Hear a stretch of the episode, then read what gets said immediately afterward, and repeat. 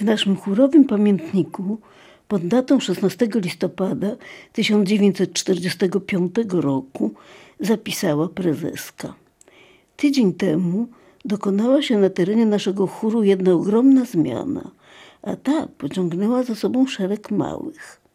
Chór nasz został przemianowany na drużynę chórową i podzielony na cztery zastępy.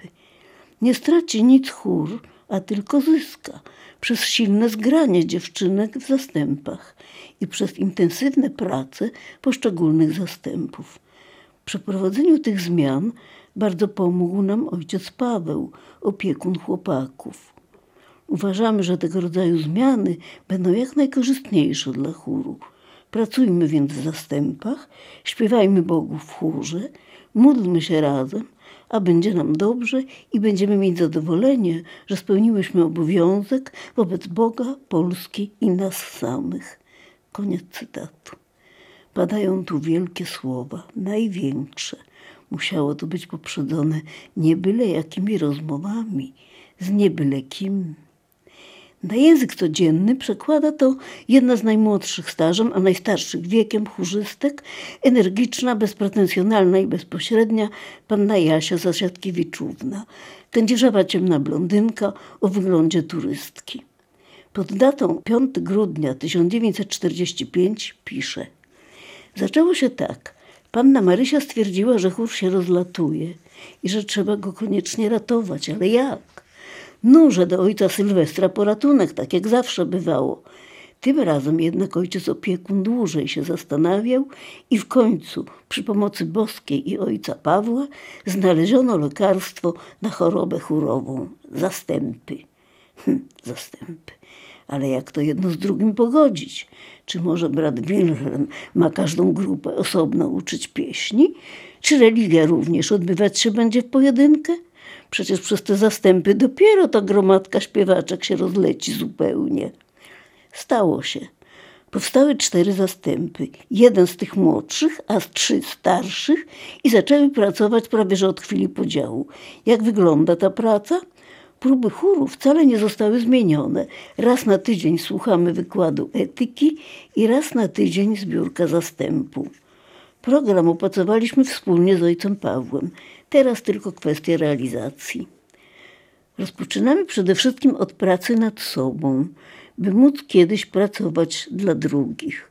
Musimy się nauczyć prawdomówności i punktualności, bo wtedy dopiero będą na nas polegać inni i będą mieć do nas zaufanie.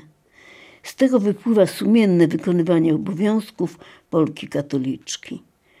Proszę Państwa, to jest tekst pisany przez 19-letnią czy 20-letnią dziewczynę 72 lata temu. Tak, lekcje religii są przecież obowiązkowe i bez ważnej przyczyny opuszczać ich nie wolno, pisze Jaśka. Na zbiórkach zaś musi się znaleźć czas na inne sprawy. Na przykład ostatnio mały spacer na Kaiserwald, gdzie z trudem niejednej przyszło wydrapać się do góry, idąc po ziemi, na której leżały resztki pierwszego śniegu. Władzia sapała i ostatnia z trudem, ale przyszła z nami, to znaczy ze mną i z Lesią, pisze Jaśka. Miałyśmy się nauczyć orientować w terenie, posługując się mapą topograficzną. Mapa znakomita, teren jeszcze lepszy, boć to przecież okolice Lwowa. A tu wiatr wieje z taką siłą, że aż łzy z oczu wyciska. Trudno się oprzeć, mimo że chcemy być nieugięte, nieustraszone. I po pół godzinie jesteśmy z powrotem na dole.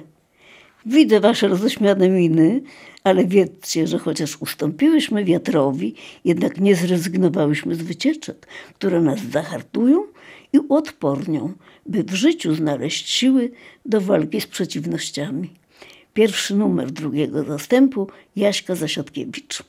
Koniec cytatu. Wydaje mi się, że nasze starsze, oczywiście z prezeską na czele, być może już wcześniej dogadały się z ojcem Pawłem w sprawie wycieczek bo jest jeden intrygujący wpis w prywatnym sztambuchu panny Marysi. Najpierw dwie zwrotki, pierwsza i trzecia, naszej ulubionej pieśni wycieczkowej. Idziemy w jasną, z błękitów utkaną dal, drogą wśród pól bezkresnych i wśród zbóż szumiących fal. Idziemy naprzód i ciągle pniemy się wzwyż, by zdobyć szczyt ideałów, świetlany. I tu dalej jest jakieś słowo skreślone i zamazane tak skutecznie, że nie można go odczytać. A przecież wiadomo, że to jest harcerska piosenka i ciąg dalszy brzmi świetlany harcerski krzyż. Tylko nie pamiętam, kiedy ja tę piosenkę poznałam. Pewnie później, gdy już było harcerstwo. Czy to znaczy, że dopiero po opuszczeniu Lwowa na zachodzie? Już nie wiem. Ale w tym wpisie jest jeszcze mały odstęp i w cudzysłowie hasło. Idziemy wytrwale naprzód, niosąc radość i pogodę ducha i podpis na pamiątkę wspólnej pracy, wycieczek i biwaku z wujaszkiem. Roma, Danuśka, Alina, Jagienka. Wujaszek to oczywiście ojciec Paweł Kielar, lecz kto te dziewczyny? Ja nie wiem. Jagienka to imię parę razy się pojawia i jest to najprawdopodobniej ta sama Jaśka Zasiadkiewicz, ale te pozostałe to musiało być jeszcze jakieś inne towarzystwo, jakieś zakonspirowane harcerki. Przypominam Państwu, jest grudzień 1945 roku w Lwowie. Druga sowiecka okupacja, tym razem ostateczna. A u nas zmiana rzeczywiście ogromna. Pojawia się nowa struktura, nowy język, nowe zajęcia, nowe funkcje – Prezeska zostaje mianowana drużynową, Zula Johan jej przyboczną. Na czele każdego z zastępów staje zastępowa. Zastępy mają nie tylko numery, ale i nazwy. Ponieważ jesteśmy drużyną chórową, przyjmujemy naturalnie nazwy ptaków, najchętniej śpiewających. Zastęp pierwszy, złożony z naszych najstarszych, to jednak orły, a co, jak mierzyć, to wysoko. Należą tu Jaśka Zasiadkiewicz, Janka Sitnik, Cesia Selińska, Zula Johan, Stefa Pietraszewska, Ilka Drużek i Jadzia Maksymowicz. Cytuję te nazwiska, bo one jeszcze się powtórzą. Nie wiem, kto należy do drugiego zastępu i jaka jest jego nazwa, bo tej informacji nie ma w jedynym zachowanym zeszycie chórowego pamiętnika.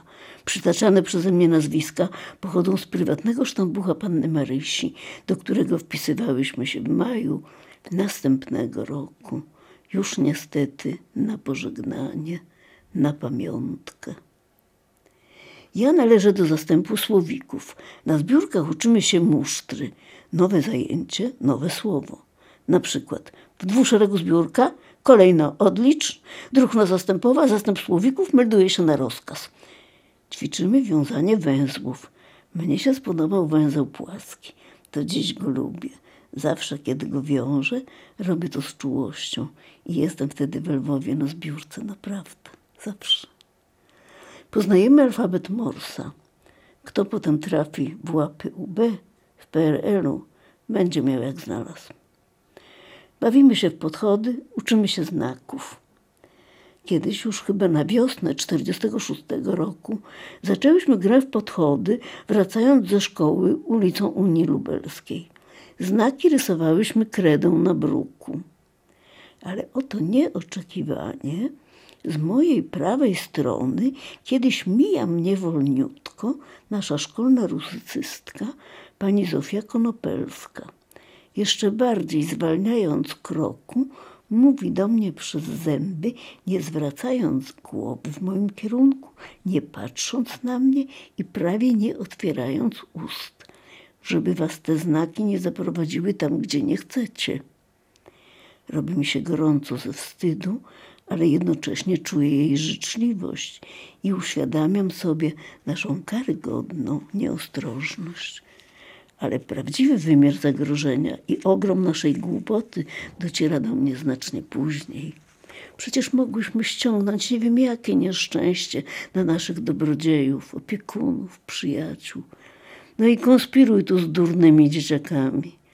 Dobrze wiedział, co mówi brat Wilhelm, kiedy nas ostrzegał przed nieostrożnością. A wracając do pani Konopelskiej, uczyła nas rosyjskiego, ale nigdy nie uprawiała żadnej propagandy, nigdy nie zdradzała swego stosunku do Sowietów. Język oczywiście znała biegle, o ile myśmy jako uczennice były w stanie to ocenić, ale jej intonacja odbiegała od intonacji rdzennych Rosjan. To się słyszało od razu. Uczyła nas gramatyki i literatury. Z naszych wypisów dla piątej klasy wybierała najpiękniejsze teksty poetyckie. Analizowała je z nami na lekcjach, a fragmenty zadawała na pamięć. Do dziś zostało mi w pamięci utro Niekrasowa i śliczny fragment z puszkinowskiego Rusłana i Ludmiły. U Lukamoria dób zielonej, złotая ciep na dubie tom. I dniom i nocью kot uczony, все ходит po цепи kruгом. To właśnie zupełnie niedawno dzięki niej, no i dzięki mojej młodszej koleżance radiowej Tani Drzycimskiej, która znalazła dla mnie tekst w internecie, mogłam przeczytać w oryginale moje ulubione opowiadanie Iwana Bunina Ciemne alei, ciemne aleje. Kiedy już we Wrocławiu wstąpiłam do harcerstwa, spotkałam panią Zofię Konopelską na jakiejś defiladzie w mundurze chówcowej. Co za radość! Wprawdzie cienkie, szare płócienko, trochę zbyt ciasno opinało jej okrągłe biodra, ale twarz, ta sama twarz, teraz rozluźniona, rozjaśniona, otwarta. Po paru latach, gdy odnowiłyśmy naszą znajomość, była bardzo znanym we Wrocławiu pedagogiem nowatorem, twórczynią szkoły eksperymentalnej. Po mężu nazywała się Skałowa. Już jako dorosła, jako dziennikarka pozwoliłam sobie zapytać, czemu pani wtedy uczyła rosyjskiego? Roześmiała się szeroko i powiedziała, bo pod latarnią najciemniej. Obie te sceny jej jednozdaniowe ostrzeżenie na ulicy Unii Lubelskiej i nasz wrocławski, ten jedyny w swoim rodzaju dwuzdaniowy dialog, to moje niezapomniane stop klatki. Mam je oczywiście przed oczyma także w chwili pogrzebu pani Zofii, kiedy w parę miesięcy po śmierci przywieziono urnę z jej prochami, chyba z Kanady, gdzie zakończyła życie. Niedawno w internecie znalazłam wspomnienie o niej, napisane przez przedstawicieli pierwszego pokolenia uczniów Wrocławskiego Technikum Żeglugi Śródlądowej, którego, jak się okazuje, była współzałożycielką i współorganizatorem. Dawni wychowankowie z szacunkiem i z uznaniem podkreślali, iż to ona zarządziła, że szkoła musi mieć swój mundur i ona też te mundury im załatwiła – co w tamtych pionierskich czasach było nie lada sztuką, a dla uczniów stało się przedmiotem szlachetnej dumy. Dzisiaj to sobie trudno wyobrazić. To mnie akurat nie zdziwiło, wszak wiedziałam, kto zacz. Przecież ona swoją szkolną garsonkę na Unii Lubelskiej nosiła jak mundur. Dziś nie mogę sobie wybaczyć, że nigdy nie próbowałam prosić pani Konopelskiej o to, żeby mi opowiedziała o swojej konspiracyjnej działalności w podziemnym lwowskim harcerstwie, bo na pewno ją miała za sobą, czy w ogóle o tym, co robiła pod przykryciem świetnej szkolnej rusycystki. Ale w PRL-u pewnie na to było za wcześnie, a po odzyskaniu niepodległości może już subiektywnie za późno. Mój Boże, ileż to tematów, rozmów, dokumentów, niezapisanych wspomnień straciliśmy przez komunizm, a raczej przez to, co z nas zrobił komunizm. Ale ja z nieodmiennym zawstydzeniem, a jednocześnie z jakimś rodzajem dumy, pamiętam i czuję na moim prawym ramieniu jej wzrok, kiedy tak obie stępujemy po malowniczej, stromej ulicy Unii Lubelskiej, kiedy pani Zofia Konopelska przechodzi obok mnie i daje mi najdyskretniejszy z możliwych sygnał, że jest ze mną, po mojej stronie. Ze mną, durną, nieostrożną Marysią z piątej klasy, żałosną konspiratorką z drużyny chórowej od Dominikanów to taka nasza wspólna ulica Unii Lubelskiej, Konopelskiej. Nigdzie na świecie chyba takiej drugiej nie ma. I tam ja był, i miot ja pił, umor ja wił, dób zielony, pod nim sydział, i kot uczony swoim mnie сказки говорил.